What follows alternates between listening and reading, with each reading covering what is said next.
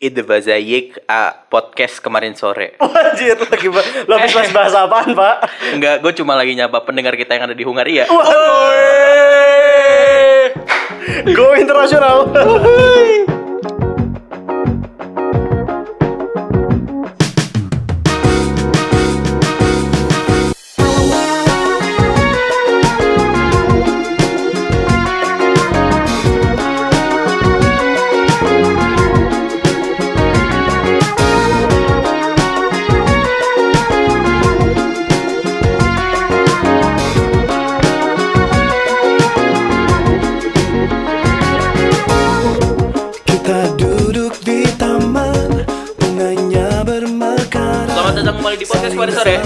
Selamat datang. Wih, Faris, take sound dulu dong. Hai, hai, hai. Aduh, suara Jadi, muncul. eh, sebenarnya kita mau minta maaf dulu ya buat konten sebelumnya. Anda minta saja mungkin ya. Yang minta maaf siapa? Anda atau semua? gue mau minta maaf sih karena Oh, iya. ada ada ada beberapa data yang misleading. Nah, contoh. Misleading. Ah, jadi dat pertama yang mau diomongin adalah eh, data tentang pendidikan yang mau gua naikin itu dari surveinya Limitless Campus tahun 2000 Universitas kampus bikin survei. terus bikin survei, Oh, bikin survei. gue pikir Ada- dia hanya LSM. dari surveinya Limitless Campus yang Knowing Yourself. Jadi ah, katanya apa? yang 17 itu gue salah baca. Ternyata satu dari tujuh orang eh, hanya satu dari tujuh orang yang sadar tentang apa yang dia kerjakan selama dia hidup. Oh, 17 tuh yang Yang ini ya, 17 lo dari nyebut. 1000 oh, gua itu. kirain. Iya, iya. iya. Ternyata itu satu dari tujuh. 17. Terus Oh, yang, jadi 17 ya nyambung. Ah. Memang nyambung sih. yang 75 persen gue bener tapi 70% yang mana? yang 75 Gua bahkan persen lupa. orang yang tidak capable akan kerjaannya. Oh iya. Nah oke. itu itu gue bener. Iya, iya. Terus sebenarnya banyak data sotoy gua, tapi ada sumbernya percayalah. Iya, iya, iya. mungkin hanya geser sedikit lah Iya, kayak tadi. geser ya. sedikit. Kita tidak berniat bohong. Jadi ini tiga menit hanya untuk Dani apa membersihkan nama baiknya. Iya. Gua nggak mau takut terdengar- digerebek. Gue sih nggak masalah orang ngomongin gua sotoy. Cuma kan ini karya gua, gua malas terdengar goblok di karya gua sendiri. Riz. Oke, oke, oke. Ah, Siap. Jadi yang rame minggu ini adalah MRT ya. Ya, MRT. Apa hubungannya Marti dengan politik? Ah, gue lah yang tahu. Dia yang nyobain doang sendiri. nih. Jadi yang rame itu adalah Diresmikan Pak penghilangan- Jokowi? Oh, penghilangan nama Pak Basuki. Oh iya. Oh. Di infografis yang diupload oleh PT MRT-nya sendiri. Oh iya, iya. iya. pantas sih. Itu sebenarnya ada cuma nggak ada gambarnya sama nggak ditulis nama. Lagian gitu. kalau di infografisnya liputan 6 ya, Ya. tugasnya Pak Basuki adalah melanjutkan apa yang sudah dikerjakan sebelumnya. itu, itu kan bukan milestone gitu. Iya, iya, Jadi tidak apa-apa kalau dihilangkan teman-teman. Oh, gitu. eh, fans Bapak ini, Bapak Basuki. Ya. Iya, iya. Anies nggak dibela? Hah? Anies nggak dibela lu? Dia kan cuma ngasih nama. Oh iya. Tugasnya Pak Anies itu cuma ngasih nama. Oh iya, siap, siap. Terus Ratangga, ya. ratangga ya. Selain itu yang Kalau kalau rame gua- lagi. Gue kepo kenapa dikasihnya ratangga ya? Kuda perang ya. kan keren, Pak. Iya sih, Karena cuman seolah kita semua mau berperang. terus, terus, terus lanjut. apa lagi yang rame minggu ini? Kayaknya itu aja. Iya. Kecuali bahas netizennya enggak juga sih. Eh, yang mau diangkat sebenarnya karena minggu ini baru mulai ini tuh hari ketiga ya kalau nggak salah hari ketiga kampanye terbuka Terbuka. kita mau memulai dengan membacakan elektabilitas partai politik Mantap. Yang pertama.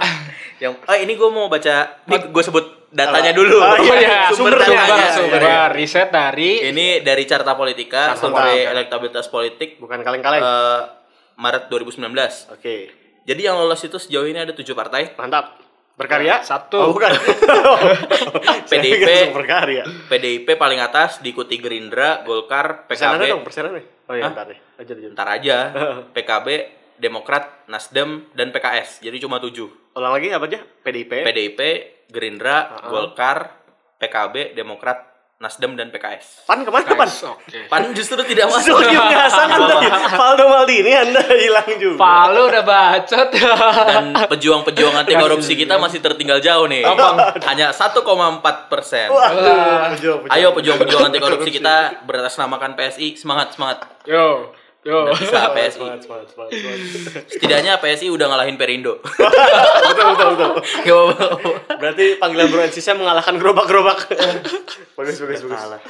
PSI, PSI.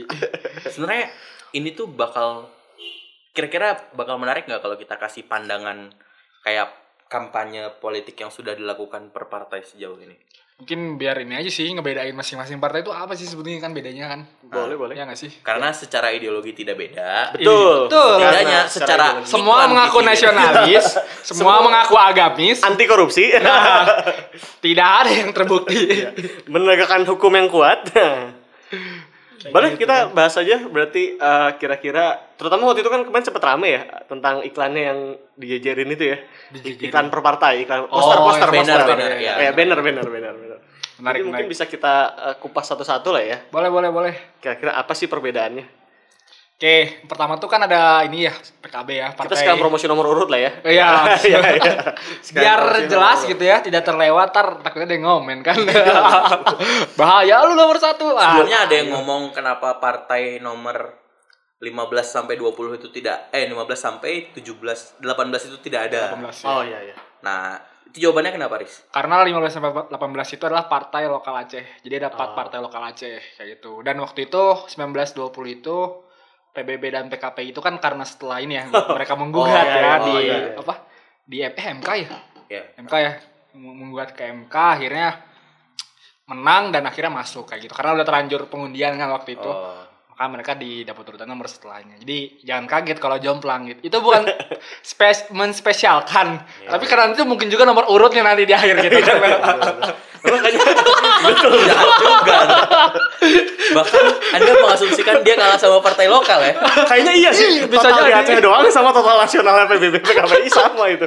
Selevel ya. karena memang banyak be- beberapa partai baru dan partai yang apa ya mungkin nggak kurang kuat figurnya itu apa ya di Hendro Priyono kurang kuat. Dia terkenal loh di kalangan aksi Oke, kamisan. iya. Di antara aktivis-aktivis. Oke, gua revisi partai baru maksud gua. Partai baru itu yang maksudnya baru naik itu bahkan beberapa di berbagai daerah tuh gue lupa di in- entah di tingkat provinsinya atau di tingkat eh, DPRD eh DPRD provinsi atau DPRD kotanya tuh ada yang nggak punya perwakilan jadi kayak kosong Iya. gitu. Oh iya iya. gue baru baru lihat gitu ya ada salah satu partai di komen eh, ayo Oh. pilih kita kalau kalian pil- eh, pengen pemuda dapat dapat apa dapat porsinya nanti ke depan kayak gitu di komen lah orang di dapil gua nggak ada partai lu gue ngakak aja baca wah dia kagak dibalas nanti di komenin nih dia pasti gak dibalas Di delete itu. Iya. Gak masih ada sampai sekarang gitu pos sebulan yang lalu gitu ya dibiarin gitu Goblok. anjir ngakak gua Ayo masuk ke partai yuk. Yang pertama. yang Sikat, pertama kalau nomor satu PKB itu dia eh, yang gue lihat eh, dia tuh sa- sangat eh, memperjuangkan itu narasinya itu tentang desa karena memang kemarin kan dia punya perwakilan kan menterinya itu Pak dulu Pak siapa sih? Menteri Eko Eko Sanjoyo itu menteri desa itu dari PKB kader PKB jadi sekarang juga narasinya PKB itu banyak tentang desa. Mereka eh, naikinnya itu ini janjinya tahun depan eh tahun ini dana desa itu naik. Dari 1 m jadi 4 m bayangin. 4 kali lipat. Mereka menjanjikan itu. Bukan jadi 1 M. Gue pikir enggak dulu 1 1 m. Oh, dulunya dulu 1M. dulu 1 m. Lima tahun ke belakang ini 1 m. Iya, iya. sekarang mau dinaikin jadi 4 m itu terus kedua dia eh, ingin janjinya itu adalah ingin memperkuat bumdes kayak gitu jadi memang arahnya ke Desa sekali ya. eh, desa itu perekonomian usaha milik Oh, desa. usaha usaha milik desa, desa, kayak gitu iya. kan BUMD, kan Bapak. BUMD ya Bumdes, bumdes. bumdes Eh, BUMD daerah, daerah disingkatnya ya. bumdes Iya, disingkatnya bumdes emang eh, tujuan akhirnya tuh eh, apa ya tadi hasil-hasil pertanian gitu yang ada di desa tuh terpusat di bumdes sebetulnya Hmm. dan juga membuka eh, berbagai sektor yang lain kayak gitu itu PKB tuh kuatnya di sana Dia ingin mengambil ini berarti ya, mengambil cap partai Wong Cilik. Bener bener. Nah, bener. dan Wong emang Cilik. emang mungkin itu ya kayak gitu kan tagline-nya kan satu ke Indonesia enak banget ya satu tuh emang Atau mungkin dia mau ngetek menteri desa selanjutnya. Makanya dia desa lagi terus. kan enggak dulu Caimin malah udah udah terang-terangan kan bulan November pokoknya kalau Jokowi menang saya minta 10 menteri. Anjir Itu kan saat dia masih menjual dirinya sebagai Oh cawapres. iya, betul. enggak udah udah udah. Udah ada Ma'ruf udah Amin. udah ada Maruf Amin dia minta kayak gitu. Karena merasa Maruf Amin dari iya PKB kan? juga iya usungan mereka juga sebetulnya kan yang pertama kali. Jut, itu Gerindra. PKB. Kalau Gerindra nah Nah, Gerindra setelah berusaha payah gue gak menemukan sama sekali narasi yang jelas. Tak karena memang mereka kan di Ada pak di banner itu narasinya Gerindra. Nggak, gini, maksudnya narasinya itu eh apa dia tuh benar-benar mengikuti apa yang Prabowo katakan gitu sebagai Nah, berarti narasi Gerindra narasi. Prabowo. Nah, iya Oh, gitu gampangnya karena memang ka- kalau sekarang kan lagi ramenya karena adanya pemilu serentak itu eh, dikenal namanya kok, eh, cocktail effect atau efek ekor Cocktail, jas. Jadi Cocktail, eh, apa eh, seorang presiden ini nanti terpilih itu memang mempengaruhi juga eh, partainya kayak gitu. Jadi sebenarnya bukan hanya PD, eh, PDIP, bukan hanya Gerindra, PDIP juga sebenarnya narasi besarnya sebenarnya Jokowi lagi gitu. Ini nggak kayak- nggak- nggak jelas gitu. Ambil Amerika berarti the winner takes all. Oh, iya, iya kayak gitu. Jadi setelah gue cari-cari yang diambil itunya doang. kayak Aduh. gitu. Jadi kalaupun ada gitu yang eh, terjelaskan gitu, apa sih narasinya Gerindra? Ya itu. Oh silakan Lapangan- kutip hasil debat gitu ya. Ya, gitu. Jadi emang swastanisasi kerja, air bukan kayak apa? gitu. Swasembada air. Kalau di poster Kayak gue nemu insya Allah ada dua khasiat. Harga-harga terjangkau, Oh, iya, iya, itu. lapangan pekerjaan tersedia. Iya. Nah itu kan sama kan Iya, persis iya. banget sama Pak Prabowo dan juga uh, Sandiaga Uno kan yang dulu Betul, betul. dulunya kader Gerindra kan dulunya. Lanjut Kayak gitu. Kalau PDIP ya tadi, ex jadi Partai Wong Cilik. Sudah kalau. PDIP juga sama gitu. Jadi narasinya adalah uh, intinya aja melanjutkan Jokowi gitu, melanjutkan uh, kinerja Jokowi. Ini siapa PDIP? Kalau satu lagi, ya PDIP iya, kayak gitu. Nggak ada nothing special gitu Bu karena mereka sudah merasa ini. yakin menang. Belum belum belum muncul banyak sih Bu Mega. Padahal gue kangen pas PDIP jadi oposisi sih. Maksud gue pas jadi oposisi itu masih ada lumayan yang berkualitas lah dalam memberikan oposisi. Iya. Maksudnya kalau oposisi itu kan cuma diambil tiga atau empat orang yang di highlight. Iya, iya betul. Nah, itu jatuhnya ke Adian Napitupulu, Nah, iya. Budiman Sujatmiko. Nah. Kalau sekarang Gerindra di highlight Fadlizon, kan makanya M. Mustafa Taufik. yang M. Taufik, Iya, begitu, aduh, rusak makanya semua. harusnya anda jadi oposisi saja Iya, Iya, harusnya udah ada kalah Pak. Terus next next next. Terus keempat. keempat. tuh Golkar ya. Kalau Golkar juga sebenarnya sama, dia lebih lebih seringnya menunjukkannya tagline aja gini, suara rakyat, suara Jokowi. oh iya, iya. Itu aja eh suara Tapi ya, rakyat, suara- suara, kan rakyat, suara suara Golkar, suara rakyat. Maaf, maaf, tapi maksudnya dia eh, di posternya pun masang Jokowi gitu. Jadi lebih lebih nekenin itu. Soal, soalnya kadernya sudah habis tapi ya gua akhirnya nemu gua akhirnya nemu eh, empat eh, narasi besarnya Eh, pertama itu tentang eh, Ini sembako harus murah gini, ini gue menangkap tren nih. Kalau? PKB cuma satu, narasinya satu. Iya, kayak Gerindra gitu. nomor dua, narasinya dua. Dua, ya tadi kan ya Iya, iya. Golkar empat, narasinya empat. narasi empat sembako murah eh, penciptaan penciptaan lapangan kerja harga-harga oh, mirip tuh kayak gini harga-harga harga oh enggak deh harga rumah terjangkau Iya. dan juga eh, industri 4,0 eh, untuk kesejahteraan iya. rakyat Iya, iya. wajar memang karena setelah gue lihat IG-nya Golkar tuh isinya cuma isinya apa coba Jokowi. Pak Erlangga doang sama Jokowi di, di dibangga-banggain gitu wah apa ketua umum gua menteri perindustrian gitu jadi Tadinya mau arahnya nggak enak, kan? udah rusak gitu udah di, langsung diubah diganti Pak. Erlangga dan ketua-ketua partai yang ada di pendukung Jokowi ini kasihan ya. Di partainya bahkan dia jadi orang nomor dua gitu. Setelah harus Jokowi dulu yang dijual baru ketua partai. Demi sekali nih mi- juga. minoritas ya. Karena ya belum mungkin gua kan lagi sekarang lagi belum nemu apa ya figur yang kuat banget ya. Pak Erlangga istilah baru baru naik lah ya. Baru baru naik dua tahun terakhir inilah. Wow bangetnya gitu kan. Kayaknya belum mau banget juga.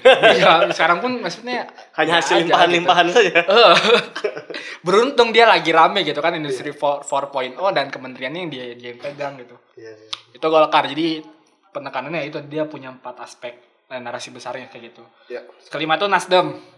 Nasdem pun sama gitu.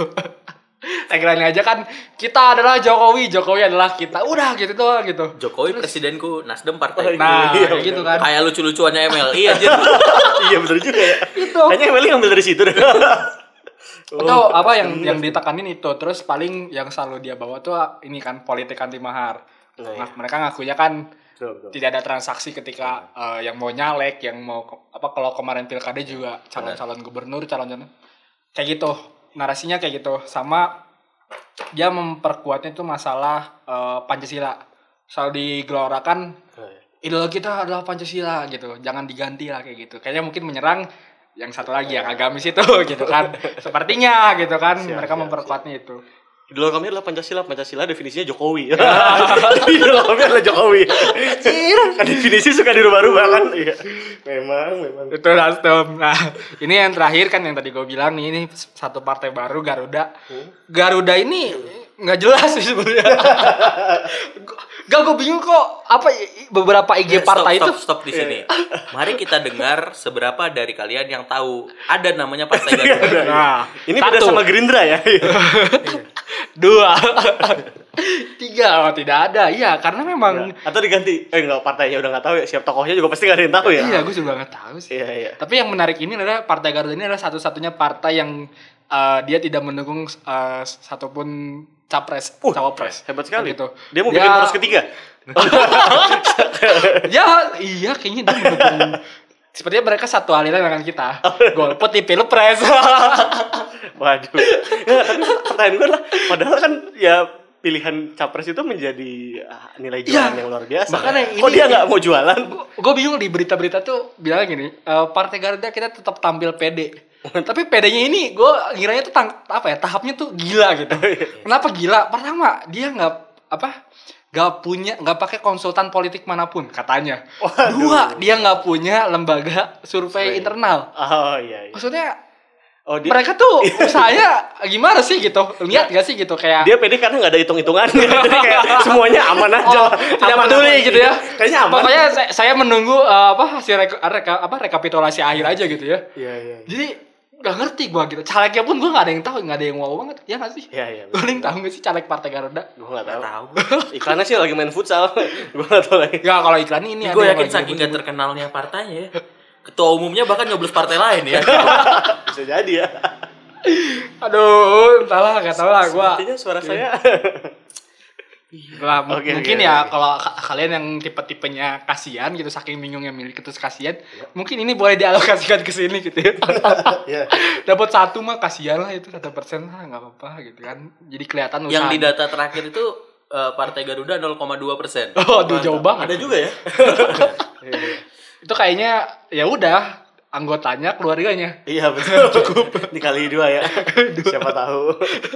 Iya, Ya, iya, next tujuh tujuh. Siapa nih yang mengambil nomor nih, 7 nih? Oh, Kayaknya tujuh. menarik. Wih, tujuh. ini dia partai. Ini partainya Brizal Bakri ya? Oh, bukan.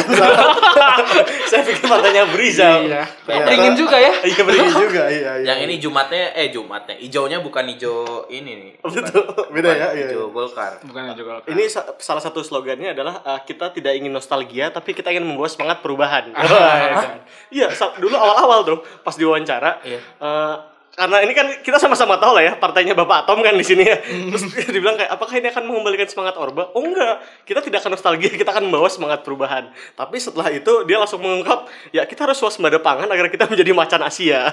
Yang mana itu adalah slogan dari zaman-zaman dahulu. Jadi memang eh mungkin highlight utamanya adalah partai ini sempat belum konsisten, tapi pada akhirnya kembali ke jati diri mereka masing-masing. Jadi ya kita lebih syukuri lah ya. Bukan sebenarnya kayak ayo kita ambil ide baru, ide baru. Ada orang banyak ngasih ide baru, terus bingung milih yang mana. Ya udah balik orba. yang tadi kayaknya lebih bagus ya. Orba, ada Orba. Iya, Orba, Orba. Tapi makanya dari sana aja eh, salah satu eh, jargon yang mereka pegang itu adalah trilogi pembangunan. Nah, Trilogi. pembangunan. Kalau Ya, jadi- dulu pelita pembangunan tuh mirip-mirip kayak Mirip gitu. ya, Jadi pembangunan. semangat pembangunannya yang dipegang ada tiga. Yang pertama nih kalau kita sebut adalah stabilitas nasional. Jadi Stabilitas kalau dia nasional. menang, saya ber- eh, melihat bahwa dia tidak suka terjadi kegaduhan. Nah, Jadi kalau tidak suka kegaduhan, mungkin yang pasti maunya semuanya adem aja. Semua satu komando. Wah, Sepertinya nanti arahnya ke sana. Pengembalian BPPC. Iya betul. Lalu yang kedua itu tentang pertumbuhan ekonomi tinggi. Pokoknya semua harga bahan pokok murah, eh, bahan-bahan apa sulit di apa sembako gampang dijangkau. Mirip dengan eh, ininya Pak Prabowo tadi ya. Pak Dan- Gerindra maksudnya ya. Iya, Iya. Pak Gerindra. Tadi. Yang terakhir itu tentang meratakan pembangunan. Nah, yang Meratakan pembangunan. Iya, yang tertarik dia meratakan pembangunan ini kemarin Pak Tom ini, Bapak Tommy Soeharto ini sempat bilang ingin mendirikan Universitas Antariksa di Biak Papua. Biar terjadi pemerataan. Tujuan yang mulia. Tujuan yang mulia sekali di saat mereka belum punya hak tapi sudah disuruh belajar bintang-bintang. Jadi secara umum ya inilah partai berkarya. Saya pikir cocok untuk eh, orang yang suka penjabarannya agak ngawang-ngawang dan otoritarianisme. Silahkan kepada yang suka Ya, silakan, partai berkarya bisa dipilih kayak gitu. Itu untuk nomor urut 7 ya. Terus berikutnya nomor urut wah ini nomor urut 8. Pan, pan. Eh, sudah sangat terkenal ya. partai ini partai yang cukup merepotkan bagi para lembaga survei karena katanya di lembaga survei itu hampir selalu Tidak meleset. terdeteksi. Iya, karena tidak terlalu terdeteksi. Kita sama-sama tahu yang menjanjikan uh, perubahan di pajak-pajakan baik itu SIM maupun kendaraan bermotor ya. Iya. Secara umum sih sebenarnya kemarin yang harus disorot adalah sepertinya ini agak kelimpungan partai ini highlightnya ya karena uh, internal anggotanya. konflik internalnya sedang cukup ramai. Garbi, Garbi. Iya. Jadi eh, cukup lingkungan tapi secara umum masih highlightsnya program-programnya adalah tentang keekonomian. yang mana itu yang mau coba dibawa walaupun nggak tahu di dalamnya seperti apa ya. Ini ada kepanjangannya nih gue. Nah apa tuh? P. Perlindungan ulama. Oh, iya iya. Dan Dan simbol, simbol agama. Ya itu. Yang orang suci itu kan? Kalau kata Om Farhan. Terus ada K. Kendaraan motor. Apa nih? C. Ah itulah bangsat pokoknya. Iya pokoknya kayaknya pajak kendaraan bermotor Ya, kan. S. S-nya SIM SIM seumur hidup. hidup. Iya, memang tiga itulah sebagai jargon. Ada delapan. utamanya. Ada delapan nama ya. 8 oke. juta penghasilan Iya. bulanan. Baru kena pajak. pajak. Iya. Oh, yang Jadi ini setelah yang 8 di juta baru kena pajak. Nah, iya. Iya. Jadi nggak jauh-jauh dari tentang keekonomian, bagaimana rakyat sejahtera. Mirip juga dengan narasi capresnya. Iya. Ini juga sama masih winner takes all juga. Pokoknya dukung semua ke sana. Iya, coba dijelaskan ya Pak ke depan ini kayak gimana nih dampaknya kan total ini perubahan ya. Betul, betul. Lumayan. Tapi seenggaknya nggak ngawang-ngawang, walaupun caranya nggak jelas gimana. Iya. Ngawang-ngawang nggak. Ya, by Tapi data, cara nggak jelas. By data. Lanjut tuh. Lanjut ya, itu partai sembilan. nomor 8 Sembilan. PKS, partai nomor 9. Nah, ini dia. Partainya Abang Gorengan.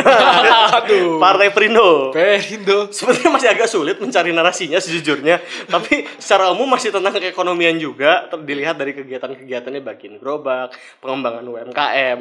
Tapi arahnya masih ke sana ya, walaupun dari hasil elektabilitas sepertinya masih jauh juga kayak Jauh. gitu. Tapi termasuk juga dia salah satu partai yang cukup getol menggait artis-artis ya. Kalau kita sempat bahas di sebelumnya. Benar. Betul, tapi ya secara umum masih partai itulah one man team lah.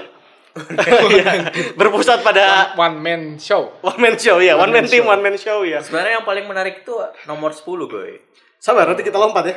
Oh, Iya, iya, nomor iya. 10. Oh iya. 9 dulu belum? Oh iya, 9 sekarang ya. Oh iya. Sekarang nomor 10. yang Iya, iya, menarik. benar, sekarang. Karena Apa tuh? Bannernya tidak ada ketua umumnya. Gak, gua, gua rasa ya. Kayaknya emang udah itu sebelum itu keluar, udah ada- itu udah dihapus. baru revisi cuy. Jadi kosong banget ya, kosong, Kosong banget. Revisi nomor 10 nih. Iya, iya. Yang lain semuanya menjual satu orang. ada Kenapa tidak ada ketua orang. umumnya ya? ya ini ya, cuman ini biasa. Apa? Iya, colok cuma Ka'bahnya. logo Oh, kan. partai terus yuk coblos Ka'bah. Ada Iya. persatuan, ada pembangunan. Mantap. Ada korupsi. Ups, salah. ya, jadi partai nomor 10 kita udah tahu semua ya, yang ramai sebelum MRT. Hmm. Ya, alumni kampusnya Dani, balik lagi. ya. Partai Persatuan Pembangunan. Sebenarnya ini partai yang lu- dari punya sejarah panjang ya, karena gabungan dari eh, organisasi-organisasi pada saat Orde Baru. Salah satu pelopor dari partai-partai yang basisnya adalah ideologis yang sekarang sudah runtuh walaupun sekarang juga sudah tidak ideologis. Karena dari hasil waktu itu masih dipimpin sama ketua umum yang lama ya. Dia bilang "Uh, saat ini kita sudah tidak memainkan isu yang berbau tentang emosionalitas keislaman. Saat ini kita membawa isu tentang pendidikan dan ekonomi. Jadi fokusnya adalah pendidikan dan ekonomi. Walaupun saya lihat sepertinya karena isu ini tidak dimainkan Tidak Jokowi tetap- iya karena sudah diambil kubu sebelah iya kalau misalnya jadi kubu sebelah mungkin akan tetap main kan P3 tuh 2014 di Prabowo ya? P3 iya masih masuk koalisi Indonesia eh salah merah putih ya Iya, merah putih. iya Oh iya. merah putih Oh, min- baru pindah di setelah pilpres. karena sebelum 2014 kan masih bertarung kan Hmm. Ah, sebelum Jan Faris dan Rohar Muzi Oh, Roham iya. Rohar Rohar Muzi lah itu ya Romi, Romi. Romi Gus Romi Gus Romi Ya, Lanjut. secara umum masih itu lalu partai berikutnya nomor 11 wah ini dia Ya, ini Mantap, partai kita. partainya Oh. Rocky Gerung eh salah bukan Rocky Eh, Gerung Rocky Gering tar. Tiga lagi, tiga lagi, tiga lagi. Enggak, Rocky Gerung kan dulu disebutnya dekat sama Partai Sosialis Indonesia kan. Rocky Gerung Rahman Sosialis. Sosialis Rahman Toleng. Nah, kalau ini solidaritasnya iya. Oke. Ini ini eh, partai yang menarik, partai baru lah ya. Dengan jargonnya, Dengan jargonnya Anti korupsi, anti poligami. Coblos nomor 11. Iya, itu dia. Walaupun sebenarnya pas awal-awal kebangkitannya dia cukup menjanjikan partai yang mau membawa ideologis. Awalnya. Awalnya, Awalnya. Bukannya sampai sekarang masih membawa ideologi. ideologis atau hasil algoritma media sosial. Kayaknya isu-isu yang dia bawa soalnya itu yang di media sosial secara algoritma itu naik ke permukaan. Ini jahat sih. Lu caleg caleg kebanggaan saya, Bapak Miftah. Oh, kan iya, pernah di siap. Pangeran Mingguan bareng Iya, iya, Oh. Dara ya? Iya, Dara yang caleg- Dara Nasution, Dara iya. Yang caleg dari Medan. Iya, iya. Ditanya, emang ideologi PSI apa? PSI ideologi anti korupsi. Terus bangsat emang Bang Miftah langsung naik. Emang itu ideologi? Ditahan sama si Pange. Udah bang. Oh itu gadikan. Digadikan. Udah bang. udah, Bang. Ya tolong uh, untuk teman-teman dicek itu ya. Jadi sebagai Ada pertimbangan. mingguan. Iya iya betul betul. Aduh. Jadi gitu, kalau gitu. dilihat memang agenda partai ini tuh menyasar kepada uh, milenial terutama golongan menengah. Oh, emang oke. Karena mereka juga mengakui bahwa mereka itu sumber dananya hanya dari crowdfunding. Oh, tidak percaya. Katanya begitu. Lu bayangkan ya, partai sekelas apa ya yang Yang gede-gede iklan- yang di iklannya atas, banyak, ya, tidak ya. punya iklan di TV. Iya, PSI iya. berapa kali ganti Maka iklan di itu, TV? Iya. Cukup aneh bukan? Tapi menurut gue enggak nih hanya full dari crowdfunding saja. Kayaknya ada di kitabisa.com kayaknya. Kalau Ya, Garuda tolong. crowdfunding percaya gua Garuda. Emang enggak ada apa-apa ya. Iya. Kalau pakai sistem infak Garuda percaya saya Garuda sistem Iya. infaknya jualan merchandise. Ini saya percaya Garuda. Iya iya iya. Tapi secara memang dilihat mereka sebenarnya apa menargetkan golongan milenial senengah karena mereka pun mengakui mereka belum cukup kuat di grassrootsnya kayak gitu. Oh. Nah, memang Mereka belum punya grassroots. bahkan itu ya makanya belum cukup kuat. Karena terlalu jujur. karena itu. Nah, cuman yang nanti jadinya menarik adalah kan salah satu slogan mereka adalah uh, anti korupsi ya salah satunya. Anti korupsi. Nah, seperti kita tahu saat ini kan yang punya gra- salah satu keuntungan punya grassroots di berbagai uh, lapisan level pemerintahan adalah Bisa berarti korupsi. Bisa, enggak, menang proyek. Nah, Oh, menang. proyeknya masuk ke kantong Partai. partai, lagi. Nah. Itu korupsi ya? Korupsi juga ya. Iya. Pokoknya arahnya ke sana. Ini karena belum ada, mungkin makanya crowdfunding. Seperti itu. Ah, arahnya ke sana. Cuman secara umum narasinya ya tadi tiga ya. Mereka mencoba untuk progresif, ya kan? Judul- eh, judulnya kan progresif kan. Maka salah satunya tadi eh, anti poligami, anti perda syariah atau perda Injil, sama yang tadi naik lagi adalah satu lagi apa tadi yang lu bilang? Baru Coblos nomor 11. anti korupsi, sorry. Anti korupsi, Sama anti poligami, korupsinya, coblos iya. nomor 11. Cuman yang menjadi pertanyaan adalah apakah nanti partai ini akan menjadi partai-partai eh, seperti biasa, seperti Demokrat pada zaman dulu atau memang menjadi partai pembaruan kan kita nggak tahu. Keuntungannya jadi partai baru kan bisa menjanjikan harapan, Ya, betul. walaupun kita nggak tahu nantinya ke depan bagaimana. Jadi mari kita tunggu saja kiprahnya dari partai eh, Solidaritas Indonesia ini. Kan kalau slogan di Inggris kan ini when everything's not go right, just go left. Sayangnya mereka tidak seperti itu sepertinya. Oke. Jadi eh, itu gua kebagian ini ya. Oh ini udah masuk lu ya? PAN, Hanura, Demokrat, PBB, PKPI. Gue tidak akan panjang-panjang. Gue pukul rata aja nih. Hanura, PBB, PKPI. Udahlah lupakan. Lu nyari kegiatan yang lain aja setelah pilkada. Kan itu yang bakal degradasi. eh, kemarin ada ada ada ini lucu nih. Pas kemarin kan eh, di PSI ada yang nyampein tuh bahwa kalau bisa ada debat antar parpol, Eh, ya kan. parpol, Terus oke. dijawab sama Andi Arief kan, wah saya siap kirimkan eh, kader, nggak tahu dari penjara kali kader ya, siap, siap kirimkan kader untuk debat tujuh hari tujuh malam katanya. Itu yang gue sebutin barusan ya. Hah? PBB, PKPI sama Han- Hanura itu tidak ada yang lewat satu persen. Betul. Hanura 0,8, PKPI 0,3, PBB 0,4. betul, betul. Jadi ya, aduh. Harusnya ada kualifikasi memang ya. Atau lu joinan gitu. Iya bisa apa lu? Bikin partai lagi ya. untuk bisa ikut Menggabungkan suaranya. pemilu nasional harus ada koalisi gitu misalnya ya. Iya. Jadi Berarti gue cuma kebagian dua nih bersihnya. Ada PAN sama Demokrat. Demokrat. Mantap. PAN ya Bela rakyat, bela umat. Ya. iya, Lucu tuh iklannya dah. Sayang lah main apa tidak nyanyi ya. Cuma hanya muncul doang berdiri. PAN ya begitulah. Cuma dapat warna birunya aja di koalisi yang sekarang. betul betul. Kalau Demokrat, Demokrat nih yang mau gue highlight. Kan iklannya baru keluar ya. Menjanjikan 10 tahun stabilitas di bawah SBY. Man, ah, Dia betul. menjual itu. Oh, iya. Kita Oh, iya. stabil di bawah SBY dan lain-lain. Masalahnya narasi itu kan dibawa di 2014 ya. Ya. Dan tidak laku. Iya. Kenapa AHY membawa itu lagi? Iya. Aha, Lu iya. tahu nggak tidak kenapa muka belajar. yang dijual tuh bukan SBY tapi AHY? Karena dia tahu ah, SBY udah akan sudah gagal tidak laku gitu. iya betul, betul. Tapi pakai narasi yang sama ya. Iya. Harusnya Bukan, di, enggak, gue taunya Demokrat tuh punya itu apa 14 prioritas yang harus yang Ya, itu ada wujudkan 14 prioritas Iya. Demokrat untuk rakyat. Nah, itu. Tapi di kayak monolognya AHY itu dia nge-highlight 10 tahun perkembangan, terus di sekarang tuh stabilitas politik kita tidak baik, terus harga-harga tidak stabil dan lain-lain. Itu yang di highlight 10 tahun tuh kita berhasil menjaga itu gitu. sama kayak Prabowo juga intinya.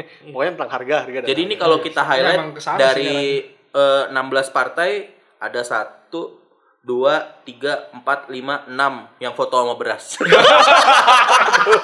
yang foto sama padi dipegang itu ada enam partai ya totalnya Ini kayak on the spot ya. Iya, iya. Clickbait banget. Kalau gue punya Enam partai dengan gue punya masukan iklan buat Demokrat sih harusnya. Demokrat. oke. Harusnya ini apa namanya? Eh, maju bersama akal sehat. Gitu kan. Oh iya, pasang Iya itu kita biar lupa masa- kita bahas di recent update ya. Oh, Kalau oh, eh, iya, iya, Pak iya. Rocky Gerung baru dua hari resmi berkostum Demokrat. Iya, iya. dia Katanya belum ada sih. Mari kita tunggu ya. Nah, Iya. apa aku demokrat anjing. Mantap, mantap, mantap. Akhirnya dia mem- apa memilih side ya. Iya, iya. Akhirnya Tapi ya yang jadi yang jadi penting dari semua ini adalah kan di kampanye terbuka ini semua partai mulai jualan dirinya ya, as in satu kesatuan gitu. PSI mulai jualan narasi besarnya anti korupsi, anti poligami. eh ya yang kayak tadi Demokrat ngewujudin ini dan lain-lain. Emangnya itu relevan gak sih untuk kita sekarang memilih partai dan bukan caleg kalau menurut lu? Pas pilpres. Ya, Oh enggak, Pilpres. siapa tahu. Pas pilpres saya pilih PAN, jadi saya pilih Prabowo. Jangan ya. Oh kalau itu kan eh kalau eh itu bisa juga sih. Eh, itu bisa juga, Itu iya. bisa juga diangkat. Ya, ya, itu saja. Tapi ini buat pilek dulu ya. Buat pilek dulu Iya, lah. dulu. Lo gimana, Riz? Karena Gua gue sama gue 2014 memilih partai. Jadi yang lu dulu. Iya, iya. sebetulnya gini ya. eh, kalau kalau lu pernah lu pernah dengar yang pas kita bahas golput tuh bareng AV eh, Aduh. Ke mana, Abe? Nah, sebenarnya gini memang eh, posisinya adalah legislatif ini baik di DPR, DPRD provinsi, DPRD kabupaten kota ini sebenarnya yang benar-benar lebih logis kit- kita pilih secara perseorangan karena memang kita lebih mudah menggapainya nanti setelah dipilih. Jadi kita Nah. lebih mudah untuk menagih janjinya karena mereka pun punya eh, kewajiban nanti untuk kembali ke daerah pada saat masa reses atau kegiatan lainnya lah kayak gitu. Jadi lebih lebih apa ya harusnya eh, hubungannya lebih intim istilahnya kayak gitu. Nah, kalau di- ditanya apakah lu harus milih partai atau caleg, soalnya gue lebih tetap prefer calegnya. Karena nanti akan lebih mudah. Karena yang gue tahu ketika kita memilih partai, partai yang akan eh, mengalokasikan suara kalian ke calegnya terserah dia gitu. Dari yang diajukan setahu gue gitu.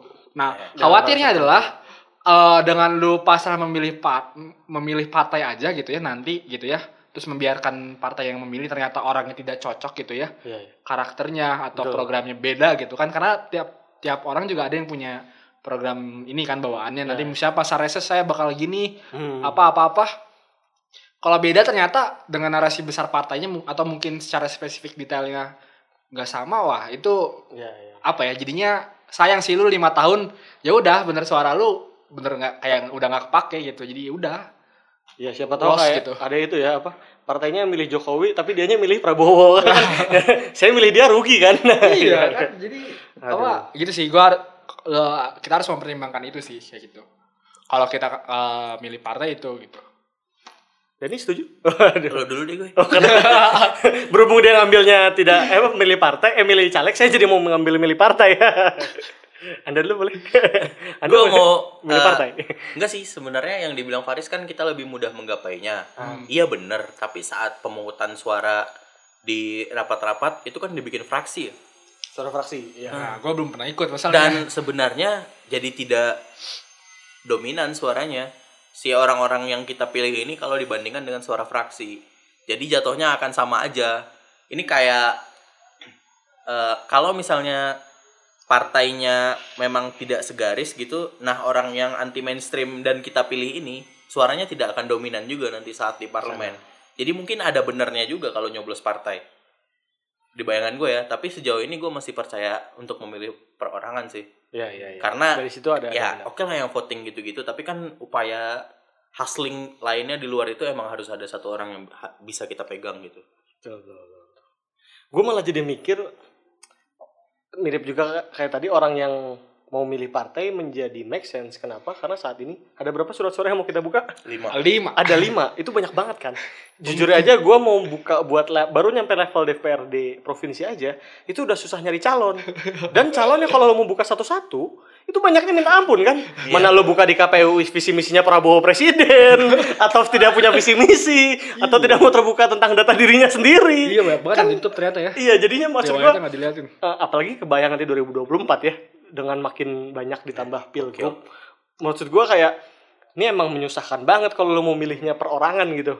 Kalau misalnya lu milihnya partai itu akan menjadi lebih mudah secara umum buat eh, kitanya dalam pemilih walaupun sebenarnya ya setuju kayak tadi sih gue nggak mau tiba-tiba suara gue ternyata masuk ke senior gue yang ternyata dulu tukang pukul tiba-tiba sekarang sudah menjadi caleg nomor satu kan menjadi problem juga Tapi gini sih kos- eh, posisinya. Maksud gua eh, kalau kita memilih caleg pun kita harus memastikan eh, apa? Apakah dia bisa eh, ke depannya independen dengan yang dia sampaikan. Maksudnya adalah nanti itu kan bayangin ada kalau kita bicara DPR aja, ada sekitar 575 eh berapa sekarang tuh? 560 sekitar 560-an lah ya. Oh, anggota DPR. anggota, ya, ya. Itu total. Belum di tiap fraksi itu kalau kita bicara 4% berarti ada sekitar eh berapa ya? 24-an lah. 24 ya, 24-an orang. 24 orang yang da- dalam satu partai yang sama pun pasti punya narasi yang beda. Nah, pertanyaan ada di sini, bisa nggak eh, si caleg yang bakal kita pilih ini bisa tetap independen dengan kit- dia bakal terus memperjuangkan itu? Ya, itu hustling di belakang yang gue bilang itu tadi. Nah, iya, jadi eh apa ya? Jadi sebetulnya walaupun lu harus tahu calegnya mau apa, lu juga harus tahu partainya mau apa. Kayak gitu. Takutnya Dua-duanya, ya itu. Jadi ya memang sudah tetap harus dua-duanya sih. Tapi kalau kita misalnya kita batasin hari ini eh, di posisi kampanye terbuka dari 24 Maret sampai 13 April yang cuman tiga minggu kurang gitu ya. eh, memilih partai jadi lebih yang make sense sih apalagi buat lu, lu, lu yang belum pernah ngikutin pemilu sama sekali gitu karena memang mungkin yang bakal kerasa pemilu itu ya sekarang gitu karena saat kampanye terbuka ini kan eh, partai itu benar-benar eh, khususnya caleg itu eh, banyak yang akan door to door kayak gitu. Benar-benar eh, lebih banyak tatap mukanya kayak gitu. Jadi lebih apa ya eh, apa lebih cepat juga sih gitu. bukan lebih cepat ya lebih lebih cepat. Kitanya yang tadi yang aku juga iya sih gue juga nggak belum ngerasain ya. Ntar kalau udah di bilik suara gitu ya harus megang lima wah itu bakal berat sih. Maksudnya kan nggak semua orang eh, punya daya analisis yang sama lah kayak gitu. Iya, iya. BTW gue jadi mikir malah misalnya kayak tadi eh andai kan kita su- milih suara yang eh caleg milih kita milih caleg sampai sana kalah kalah suara Hmm. kalah dominan ya akhirnya sama aja tapi pun kalau kita milihnya langsung eh, partainya terus dikasih ke suara yang jelek makin jelek juga lah di sana itu Jadi- suara lo yang caleg lo gak akan kepilih pun akan disumbangkan. disumbangkan ke dengan proporsi tertentu kan ya. Ya maksud gua akhirnya jadinya jadi sama aja kan kita nggak tahu disumbangkannya ke siapa. Siapa tahu yang pas lagi berebut penyumbangannya caleg yang buruk juga. iya J- Jadi sebe- harusnya malah sebenarnya kalau mau ideal bisa milih caleg itu harusnya ada mekanisme recall yang tapi recallnya bukan recall partai ya. Recallnya recall dapil ya. nah itu yang kalau mau satu. itu yang ideal belum, ya. itu yang belum ada kan Iya, iya. karena Jadi kita bisa recall partai kita kan. bisa dengan pasti milih caleg dan kita tahu dia perlu di recall apa enggak kalau Salah satu yang paling kontroversial itu kan pencoretan Bu Halida Hatta ya. Oh, Dari Gerindra. gitu ya. Oh, Di itu gue 2000. gue nonton itu menarik sih Nonton di mana? di Pangeran Mingguan Oh ada. ada cuy Gue tahu dia gue pencoretan gue baca awal-awal iya dia dia lolos kan Dia secara lolos secara hasil secara pemilu di. Itu langsung ya? 2009 ya 2009. habis beres langsung dicoret ya? iya dia menang Maksudnya nggak nggak Iya. sempat sama sekali. Enggak langsung pak, kan perhitungan itu satu bulan. Oh yang Hampir maksud gua bulan. dia sempat duduk di Eh, enggak, Enggak, enggak, nggak dia sempat berarti kan dia dia suaranya disumbangin. ketika Langsung, iya kan? Iya, itu iya. kayak apa sih istilahnya kayak store nama gitu ya Iya iya. iya. dicoret namanya Diganti gila, lagi. kayak misalnya nih Padahal lu, 17%. iya, lu ya. penyumbang terbesar misalnya gitu, gua Halida gitu penyumbang terbesar, dicoret, Iya, iya. dialihkan ke yang astagfirullahaladzim. Waktu itu gantinya siapa ya? Ah, enggak tahu. Siapa tahu orang. Tidak akan Tapi lebih maksudnya- terkenal dari Bu Halida Hatta Nah, lah ya jelas, itu. Siap siap. Ah. Oke. Itu aja ya podcast minggu kali ini. Iya betul. Oh, jangan lupa Penuh dengan data. Aduh. Penuh dengan- akhirnya ini ya apa analisis lebih panjang Iya, gitu iya. kan. Tapi yang pasti jangan lupa sebelum kita tutup follow Twitter kita dan Instagram kita kalau kataku. Teman-teman boleh apa? Twitternya at Kalau underscore kataku. Oh, kalau Twitter gitu ya. Kalau Instagram Kalau baru- underscore kataku, Instagramnya di kalau kataku. Iya. Silakan boleh repost, boleh komen. Oh ya ngomong-ngomong ini bridging juga ya. Kan kita menjelaskan partai bukan calegnya. Ini bridging untuk acara kita yang masih dalam proses. Nanti di sana kita Iya, akan dan caleg. Iya. yang masih proses juga. Iya. Kalau di sana kan caleg. Nah, kalau ini partai. Jadi ini bridging ke sana ya, pelan-pelan. Ya mungkin Siap. 2024. Sampai jumpa teman-teman di episode podcast kemarin sore selanjutnya. See you.